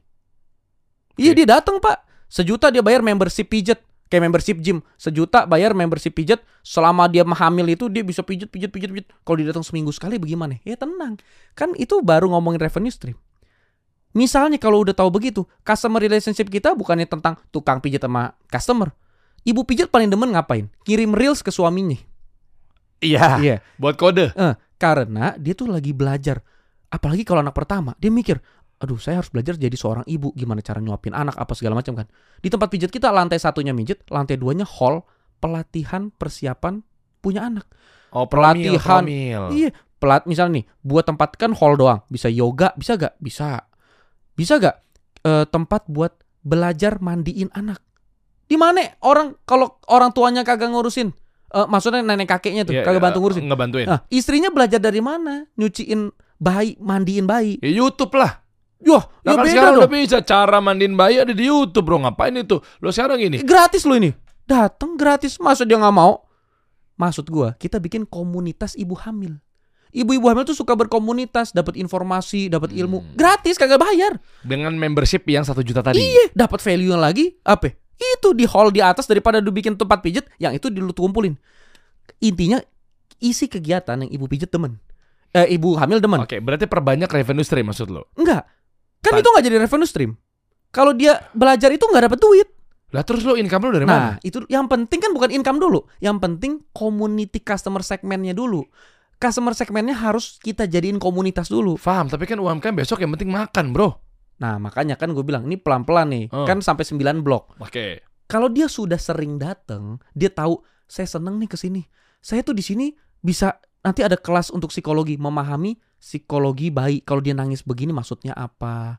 Kalau dia ini gimana dan segala macam lah ya. Hmm. Oke, cara menyusui, cara meng- mengasihi, mengasihi ke anak gitu, itu juga harus belajar. Kalau enggak pelekatannya salah dan segala macam. Oh iya. Nah, itu kan nggak bisa lu belajar di YouTube. Itu harus lu Nah, nggak nggak bisa bunda yang ngajar juga perempuan ya. Hmm, Nggak bisa bunda ini harus begini, begini, begini dan segala macam. Nah, kalau udah ngumpul lu kasih kelas gratis gratis dan segala macam sebagai membership itu, lu bisa gak jualan? Nah, yang tadi baru masuk ke revenue stream. Bisa gak jualan daster hamil sekalian? Hmm. Bisa gak jualan kursi dorong buat anaknya? Wah, lu lu jual bisa jual apa aja yang berhubungan sama dia. Makanya lo bangun community kalau istilah gue tuh marketing 4.0. Jadi ada communal, ada kelompok, jadi dikasih satu wadah bikin eh, creative compound atau hub, mereka kumpul di situ dan lo bisa nyasar ke semuanya tuh. Gila, udah kalau udah jadi Hmm. begitu, lu nggak mungkin bangkrut. Dalam artian apa? Dalam artian nggak karena nggak bergantung pada satu jenis usaha. Karena yang lu pegang adalah komunitas. Itulah kenapa ini disebut new economy, kreator ekonomi. Artinya kreator ekonomi artinya em, eh, atau mungkin community ekonomi atau apa pun namanya. Intinya kalau siapa pun yang bisa punya pasar komunitasnya, itulah yang akan memenangkan bisnis ke depan. Bukan yang punya jasa atau produknya. Karena sekarang aja kita butuh endorse artis. Kenapa kita butuh endorse dikasih solusi? Kasih solusi punya apa? Komunitas penonton titik. Udah. Hmm. Itu satu-satunya kekuatan paling utama kasih solusi. Komunitas penonton Biar Yang- bisnis. yang pebisnis. Hmm. Coba kumpulin di mana? Itu kan yang lu lakuin. Iya, iya. Lu udah kumpulin komunitasnya. Lu mau jual apa? Lu mau jual built-in? Bisa. Iya, iya, iya. Lu mau jual baju, kaos bisa. Ini produk. Apa pun. Jadi kalau ditanya bisnis lu apa? Ya gue media. Mungkin lu bilangnya gitu. Iya. Tapi media kan biasa ngiklan. Tapi lu bisa bisnis apa pun tiba-tiba lu punya bisnis baju, Hmm. tiba-tiba ya karena apa? Bukan karena lu expert atau passion di baju, karena ada komunitasnya. Udah ada pembelinya kenapa gua nggak bisnisin? Lu mau nyari reseller bisa. Intinya udah dapet nih revenue stream. Itu nanti poin nomor 6. Poin nomor 6 itu ada namanya key resources. Key resources adalah oke, kalau saya udah ngerti poin 1 sampai poin 5, berarti saya harus siapin apa di internal saya. Ya berarti kan mulailah lu bikin tuh. Berarti yang harus saya punya, misalkan tadi kalau yang pijat, berarti bidan-bidan. Hmm. Terus eh, berarti cari tempat pijat, Hmm. segala macam segala macam untuk cari. Terus nomor 7, key activities. Kalau gitu em, kegiatannya apa ya? Berarti eh, rekrutmen. Ya. Terus kalau saya butuh tempat berarti ya nyari tempat itu, Mm-mm. negosiasi tempat, redis er, desain interiornya, bikin pricing dan segala macam. Atau ya kalau gua sih kalau gua nih key activities sebelum bikin bisnis ya. 360 bisnis blueprint. Wih, ya dong. iya, Ya, iya, kalau iya. enggak gini, lu bikin bisnis lu udah punya modal duit. Kah, modal duit itu lu kalau punya bisnis blueprintnya tepat ya. Iya. Investor tuh ngantri, Pak. Investor itu bisa ngantri kalau lu punya bisnis blueprint. Masalahnya kalau lu kagak punya bisnis blueprint, lu cuma punya duit buat apaan? Ya, gimana investor mau percaya kalau perusahaan lo tuh nggak ada blueprintnya jelas nih mau dibawa ke lima tahun ke depan tuh kayak gimana? Makanya, jadi kalau mau kan bis buat anak jangan macam-macam. Bisnis sudah kayak anak, berarti buat bisnis jangan macam-macam. Lu nggak ke 360 bisnis blueprint bahaya. Tapi bener, Iya, seriusan. iya, iya, karena ya buk- ya, nggak harus brand sini lah ya. Gue nggak tahu. Tapi setahu gue memang belum ada yang benar-benar sampai Iya, bisnis blueprint lengkap. Cuman intinya adalah ya bisa jadi ke brand-brand lain. Intinya yang penting maksud gue adalah lu siapin ini dulu. Persiapan technical di kepala lu kan jadi lengkap. Oke, berarti gue bisnis harus gini gini gini. Itu kayak activities. Poin 8. Key partnership. Key partnership itu lu jadi tahu, oh berarti kalau gue misalnya tadi bisnis untuk pijat ibu hamil. Berarti partnership gue apa? Yoga ibu hamil. Lo deketin tuh. Iya dong. Oh. Bikin event bareng. Oh, oh. Yoga, lu butuh tempat gak? Butuh. Udah tempat gue aja hall. Iya dong. Pasti harus ada dong partner-partner yang cocok sesuai sama customer segmen gue nih. Di rumah sakit, dokter-dokter, bidan-bidan, apa pun dah gue cari. Nih, daster ibu hamil. Siapa yang kepikiran? Gue cari face, brand fashion, daster ibu hamil. Setiap kali dia beli daster ibu hamil, udah pasti dia hamil dong. Pas dikirim, pas datang ke rumahnya, dapat voucher gratis satu kali pijat tanpa biaya apa pun. Masa dia nggak coba? Oh, ini kan di mall CP. Ya udah, gue sekalian aja ntar ke Hmm. mall CP. Oh, di Gimana mana- caranya Iya, kita iya, ngincer iya. voucher gitu? Lu mau hire karyawan bagiin voucher ke ibu hamil? Gimana cara nyari ibu hamilnya? Di mana tuh? Nah, kan nggak ada kolamnya. Caranya Makanya- adalah iya, itu, iya, iya, dasar iya. Kalau lu beli dasar ibu hamil udah pasti lu hamil kagak mungkin kagak. Cari oh, toko susu. Toko susu formula buat ibu hamil. Kan ada susu buat ibu hamil Prenagen apa bla bla bla itu Iya, ya. Aduh, maaf. Nggak apa-apa udah biar dia Oh masuk. nggak apa-apa. Ya, Jadi ini penonton nah. Jadi misalnya udah tahu begitu. Jadi setiap pembelian begini lu kasih voucher ha- pijit khusus ibu hamil. Masa dia dari 100 orang masa nggak ada yang pakai? Modal lu apa nyetak kertas voucher? Kan emang lu nambah biaya? Kagak karyawan lu kan emang udah digaji buat standby mijit. Iya, iya. Kalau nggak ada mijit ngapain? Itu nomor 8. Udah terakhir 9 cost structure udah tinggal dihitung apa fix cost fix cost yang harus keluar. Artinya ini udah kalau lu udah punya positioning itu. Lu nggak usah diajarin gerilya marketing, lu langsung ke gerilya sendiri pikiran lu. Oh iya juga berarti gue bakal bisa begini, begini, begini, begini, begini, begini. Udah asik. Oke, gile Adit. Ya, ya, ya. Gue nangkep nih. Ternyata kesimpulannya teman-teman UMKM tuh banyak yang boncos, masih banyak yang salah. Ya apa pun itulah lu keluh kesah dan lain sebagainya.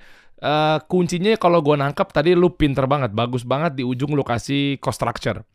Kenapa? Karena cost itu biaya atau beban dikeluarkan tiap bulan buat operasional, buat gaji karyawan. Ternyata teman-teman UMKM tuh masih banyak yang salah menurut gua, masih banyak yang fatal gitu melakukan kesalahannya. Karena lu kan gaji bulanan kan akan keluar terus ya. Itu poinnya. Ya Bener. kan, lu kan gaji bulanan akan keluar terus. Tiap bulan lu gaji Iya. dia, oke karyawan lo udah 5 misalnya, ya anggaplah misalnya berapa sih? 3 juta, 3 juta, 3 juta, 3 juta, 3 juta, 15 juta lu harus keluar. Hah. Gue mau ngambil dua contoh yang pernah gue undang ke sini juga. Jadi eh, menurut gue tiga orang sama lo nih, nih bisa membantu UMKM ya. Gue saya thanks lah buat kalian-kalian. Waduh, thank you bro. Yoi, duanya itu salah satunya tadi sisanya lu ya berarti ya. Eh, yang pertama adalah dia pernah punya pengalaman menjadi konsultan keuangan di sebuah brand besar. Kalau gue sebutin namanya pasti lo tahu. Tapi awal kehancurannya si founder akhirnya keluar atau mungkin exit atau ketendang itu gara-gara dia rasa dengan adanya dia bangun atau punya produk sosis sendiri misalnya sebagai topping di sebuah restorannya eh, itu akan menekan biaya kos. Hmm. Karena kalau pakai vendor misalnya per kilonya 7000 Tapi kalau lo bangun pabrik sendiri dengan investasi 15 miliar misalnya dengan harapan dapat hitungan biaya sosisnya jadinya 4000 misalnya. Lumayan dong. Tapi sebentar. Biaya operasional pabrik gimana tuh? Lu nggak pikirin, lu nggak bisa semudah kayak, oh ya biasanya gue 7000 per kilo. Dengan gue punya pabrik sendiri, gue tanpa vendor, jadinya gue 3500. Oke, kepotong setengahnya dong. Tapi kan pabrik itu kan berjalan. Untuk ngejar 3500 lo harus minimum berapa nih? Omset lo. Tapi kalau memang misalnya nggak ngejar lo harus biaya mesin pabrik, karyawan yang lo itu kos keluar terus. Itu permasalahannya. Yes. Terus yang kedua, aspek berikutnya adalah gue dapat juga dari eh, siapa? Sambal bakar Indonesia. Ya. Richard Theodore pernah gue undang. Dia pernah bilang juga insight-nya gini. eh, kalau lu merasa sold out dalam waktu yang lebih cepat early atau belum habis tuh restoran lu tutup, jangan bangga. Salah itu. Gue bingung, salah. Bagus dong kan bisa di-flexingin. Baru bukan jam 9, jam 12 sold out gitu kan. Padahal bayar biaya sewa dan karyawan. Tuh teman-teman, kerennya Adit barusan mindsetnya gue nunggu-nunggu nih. Tadi gue mau counter tuh kalau 9 lu nggak masalah kos, kita debat sampai subuh nih. Iya. Karena, gini konsep gue tuh gue belajar dari mana? Itu 360. Kenapa 360? Masya Allah. Lengkap kan? Lengkap Maksudnya tiga, 360 kan 360 derajat. Iya itu. Lu nih kayak gini lu nggak bisa denger dari podcast. Lu bisa aja belajar ilmu gratisan dari podcast. Iya, iya, lu iya, cuma iya. tahu kulit-kulitnya. Lu kalau mau dibedahin sampai dalam, lu gua rasa saranin join 360 bisnis Oh, blueprint. bukan gue, kan gue emang ngajar di Oh situ. iya, maaf. Kalau pengen tahu nih secara bisnis 360 derajat, karena memang ini adalah bisa dibilang ya workshopnya si level lah. Jadi ada Om Deddy Kobuzier, ada gue, Insya Allah ya ada Coach Rene, ada Coach Muhammad Ismail, ada Coach Yusak. Satu lagi siapa ya? Guerrilla marketing. Ah, James Coach Gui. Aditya Ah. Coach Aditya nanti ikut boleh tuh. Ah, itu. Kita omongin tuh season 2 atau season 3 Nih, gua kasih tau ya. Iya. Gratis, nggak usah bayar fee gua. Wah. Selama UMKM. Bener lo ya? Tanda tangan. Bener lo ya? Iya. Boleh nanti lo gue Bener, gratis.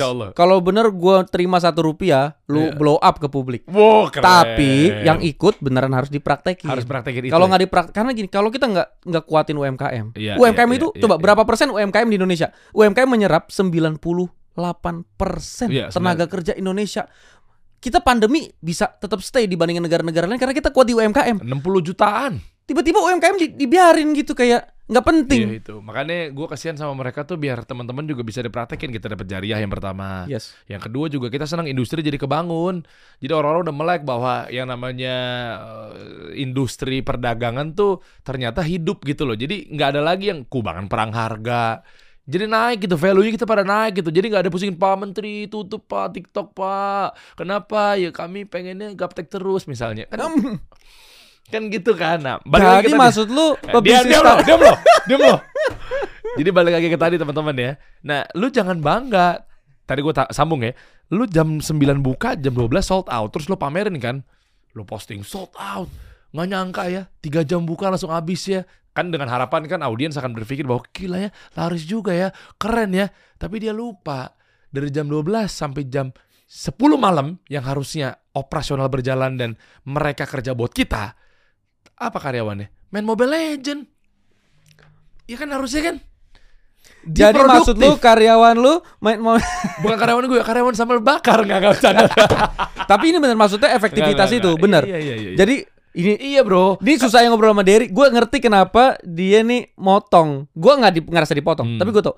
Lu tuh menurut gue ya, lu tuh jenius bro. Bener. Masya Allah apa nih? Amin. Jujur aja gue ngerasa eh, kalau mantan basis biasanya kan lebih ke nyeni, Iya kan? Lebih ke seniman, lebih ke otak kanan misalnya. Iya, iya, iya, Lu tuh orang yang menurut gua agak seimbang otak kanan otak kiri lu jadi disebut jenius.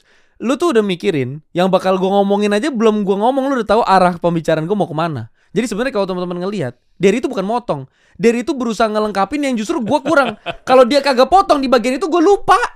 Iya, Beneran? iya. Eh, tapi nggak, ta- tapi mereka nyerang gue katanya gue suka motong-motong pembicaraan. Media-media gue. ya memang itu ada teknik di retorika, public speaking, EQ harus diangkat, jangan pikirin IQ panjang deh udah ntar deh itu tuh kelas lain lah, kelas lain lah. Emang ini ilmunya kebanyakan. ini ilmunya Eh, tapi lo kebanyakan. ikut ya nanti ya, Insya Allah ya. Eh, kalau gua udah salaman udah pasti. Iya, iya, Novi iya. beneran Nanti- ta- buat UMKM. gue tuh pengen banget. Cuman yang datang jangan korporat, Pak. Eh, korporat ada pasti. Oh gitu ya. Tapi masalahnya gue malah mikirin. Tapi kalau korporat aja ikut, masa UMKM kagak ikut? Keterlaluan Iya, ini UMKM nih ya. bahkan ada yang Investasinya berapa? 8, 69 juta men, mahal memang. Makanya buat korporat Ya UMKM masih masuk 69 juta. UMKM kan di bawah 4,8 M setahun. 69 juta. Iya iya iya. Coba 69 juta nih kita bagi. Kita Iya. bagi dua, gua bagiin 12 ya. Kemungkinan berarti lu bayar setahun eh, sebulan nyicil sekitar 6 juta dah. Satu dan yang kedua, lu bayar 6 atau misalnya 7 orang gitu pemateri, lu bagi aja berapa cuma satu orang lu bisa Iya. bayar. Coba 69 apa 70 juta, bagi 7 aja 10 juta. 7, ju- 7 juta Iya. satu orang ibaratnya. Nggak gini gue cari Lu belajar sama gue 7 juta doang. Iya, maksud gue gini, lu kalau bagi per bulan itu 6 juta setahun. 6 juta nih setahun. Mm-mm. Kan lu nggak mungkin tahun depan ikut bisnis blueprint lagi dong. Kan udah dapat bisnis blueprint iya. untuk mencapai Pakai buat berapa lama? Ya terserah lu. Bisnis blueprint, blueprint ini kan Harusnya bisa buat lima tahun kan? 5 tahun. Iya, 70 lu bagi 5 dong. Iya gak? 70 lu bagi 5 berapa? Anggap dah, berarti setahun. Nggak usah 70, kemurahan nih. Naikin aja misalnya 100. 100. misalnya supaya supaya gampang gue bagi 5. setahunnya Jadi 20-an dong. Iya. Berarti sebulan intinya lu cuma ngeluarin duit 2 juta. Terus blueprint itu lu tebus. Ini kan bisa lu pakai anggaplah lima tahun atau bahkan selamanya misalnya. Iya, bisnis blueprint pasti selamanya lah. Iya. itu. Udah orang itu udah peta akhirnya, lu mana mungkin ganti blueprint, Pak? Blueprint itu kan blueprint. Jadi, lu mau kasih nih karyawan, lu hire karyawan 3 juta setengah. Eh. UMR paling rendah 2 juta setengah dah. Lu bayar 2 juta setengah. Lu suruh dia kerjain blueprint lu. Iya. 10 ribu tahun kagak selesai-selesai itu blueprint. Nah terus bingung lagi. Bisnis saya pak udah jalan 10 tahun. Nah coba hitung. Berarti pengeluaran karyawan udah berapa 10 tahun kagak maju-maju. Kenapa? Karena kagak ngeluarin bisnis blueprint di awal. Kan lu cukai berantem kagak ada strategi. Yang penting tonjok dulu. Enggak bisa. Iya. Enggak bisa. Abis lu ditonjok, abis itu lu dibales. Selesai udah. Bingung. Coba lu kal- mikir. Iya, kalau diserang dari sini lu ngelesnya apakah pasti ke sini, apakah ke sini, apakah ke sini. Iya. Itu kan ada ilmunya semua. Nah, itulah pentingnya blueprint teman-teman untuk ngebangun bisnis Iya. lo. Di brand mana pun bisa, silakan. Nggak Iya, harus iya. 360. Cuman di 360 USP-nya adalah lengkap. 360. Iya, iya, iya. Lengkap. Jadi lu dari semua sisi mau finance-nya, mau Iya, HR-nya, iya, mau betul. apa, lengkap. Tapi kurang lengkap kalau nggak ada gerilya, teman-teman. kalau sampai nanti lu lihat di bisnis blueprint kagak ada gerilya. Iya, iya, iya, iya. Nah, ini namanya ambush marketing. Iya, iya lu, lu jadi nempel lagi di marketing orang ya. boleh, boleh informasi lebih lanjut. Kalau dikerenin 360, oh Ah. 360 bisnis blueprint atau 360 derajat, lu pegang yang namanya blueprint untuk bisnis lo ada di sini nih, ini ada di deskripsi di bawah ya. Jadi buat teman-teman perhatikan tadi ada 9 cara atau 9 blok ya, Yes. lu namakan ya. Buat bisnis Karena model. ya buat bisnis model itu nggak sembarangan. Tadi gue udah amatin, gue nyari celahnya memang ya kalau boleh bahasa gengsi gue akan ngomong. Tapi kalau boleh bahasa jujur, ya gue juga pakai. Iya. Nah, artinya kasih solusi berdiri juga pakai ilmunya Adit juga. Nah, Bukan ilmu gua. Iya, iya maksud gue kan. Maksudnya kita berguru di guru yang sama. Iya, itu. Ya, makanya mudah-mudahan Iya. teman-teman UMKM juga terbantukan. Nah, ke Bener. depannya kira-kira lu gimana? Kalau lu banyak brand ya, lu ada brand apa aja sih yang lu pegang? Ya secara Detik ini gue pegang dua konglomerasi. Konglomerasi Palembang, Sumatera Selatan, bisnis grup paling gede itu Tamrin Group. Itu gue yang pegang. Oh. Nah, terus gue bantu Pak Hermanto Tanoko buat nyariin. Nah, kalau temen-temen bisnisnya mau sampai udah sampai ke level IPO nih. Iya, iya. iya. Kan udah dibantu nih bisnis Hmm. blueprintnya. Mau dapat investasi atau IPO bisa juga di Loh. 360 bisnis Eh, blueprint. kan memang eh, eh, bisnis blueprint yang kita mau nanti mau eh, hadirkan buat teman-teman itu di bulan apa? Eh, November ya. November kan? November itu itu memang blueprint yang lu pegang. Jadi ini gue bocorin ya. Lu bisa tebus nih bukunya segini nih dari gue. Jadi di situ gue mewakili CMO. Ada juga James Gui, coach James Gui CSO, sales. Ada juga coachernya si Eh, Coach Yusak, CFO gitu ya. Dan seterusnya COO, Om Deddy Kobuzer juga ada CPO, eh, Chief Program Officer. Jadi dia ngasih tahu gimana caranya bangun media dengan ya, ya kayak yang kita tahu bersama di media kan valuasinya sampai satu triliun.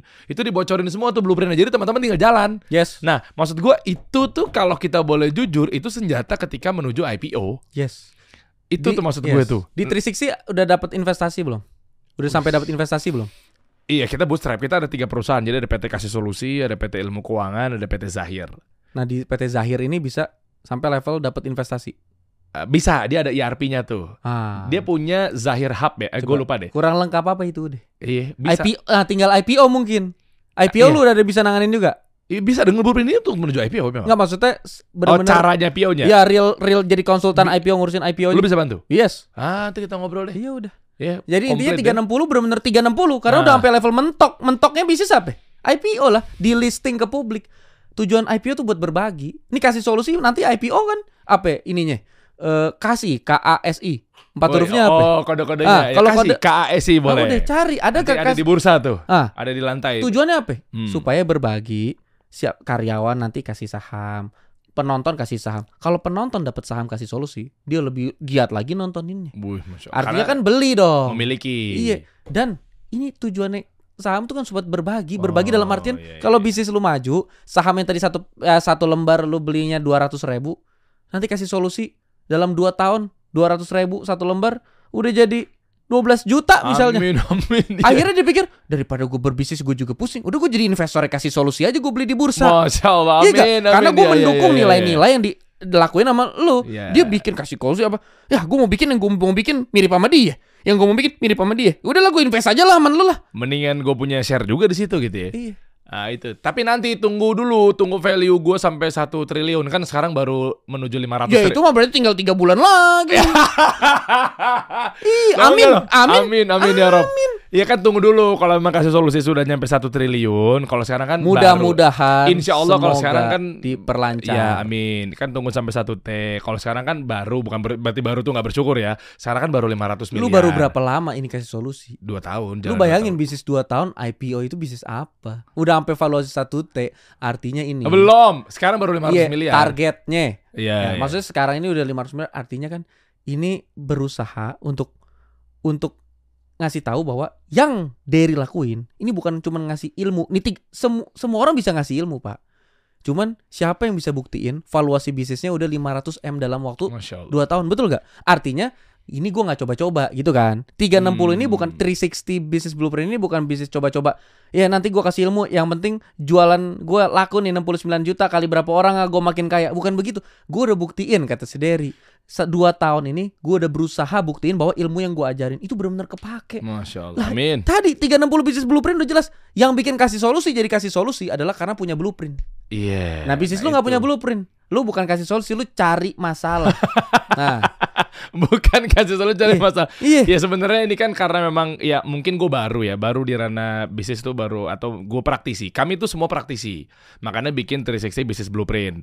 Nah dari praktisi yang kalau kalau Coach Yusa nggak tahu ya, beliau juga udah belasan juga. Kalau saya sih baru 18 tahun lah menjadi praktisi di sebuah perusahaan, ya direktur program lah. Nah sehingga eh, dia rasa-rasa 18 tahun saya dapat blueprint di sebuah perusahaan-perusahaan IPO, dia rasa-rasa kok cuma saya menikmati ilmunya, sayang banget kalau nggak dibagi sama teman-teman. Itu aja sih bro. Iya Itu sih. Jadi teman-teman juga nggak perlu uh, apa ya uh, kayak saya harus berjalan selama 18 tahun dulu kerja di perusahaan orang, perusahaan-perusahaan TBK misalnya. Iya Nah maksudnya ya udah cukup Iya. empat hari dapetin manfaatnya insya Yes. Allah gitu. Dan carilah pengajar sebisa mungkin yang sudah ngebuktiin. Kalau dia cuma bisa ngomong doang, berarti Oh, siapa tuh? Gua. Karena gua belum punya bisnis yang punya valuasi 500 miliar. Gue pikir lu bakal ngelempar Tidak bisa. Saya sudah punya blueprint untuk bicara hari ini, Pak. Gue udah tahu semua kemungkinan serangan lu, gue tangkis. Nah, itu siapa yang penjual udah itu siapa? Saya. Nah, jadi kalau belajar sama saya, makanya, eh tapi gue serius, gue nggak bikin podcast, gue nggak bikin buku, karena gue tahu gue belum punya ilmu buat gue bagiin begitu secara komersil. Tapi tadi menurut gue Deriansa approve. Emang Tasya Farasya doang bisa approve. Maksud gue itu Deriansa approve tadi yang 9 segmen tadi gitu loh. Ya karena itu udah ada bukunya maksud gue.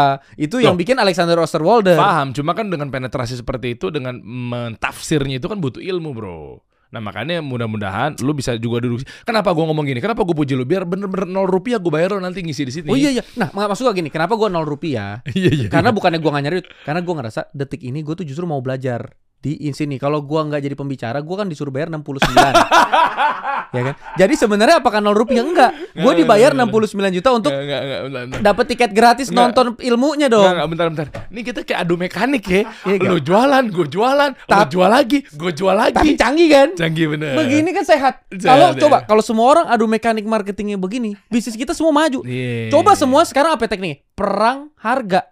Udah kalau perang harga yang rugi cuman kita doang Betul. sesama UMKM. Atau mentor sama mentor saling menjeleki. Nah, kita malah saling di- angkat. Aneh nah, kan?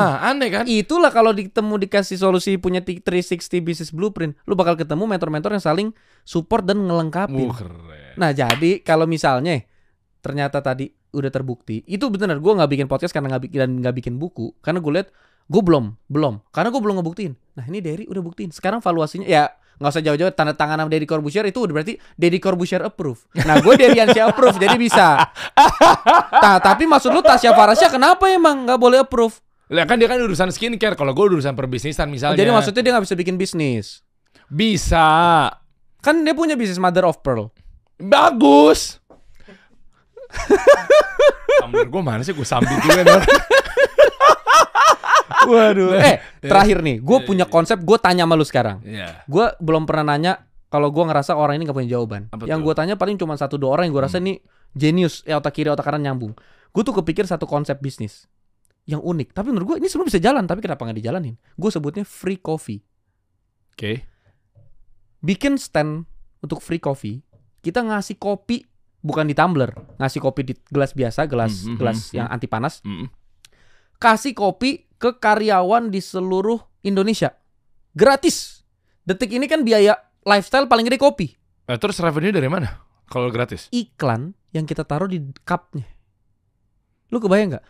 Kasih solusi atau Safir atau siapa yang mau masuk. Misalkan nih, Mm, mm, 360. mm, mm, Lu kan targetin misalkan karyawan yang mau naik mm, mm. jadi pebisnis atau Scale apa pun. gitu ya.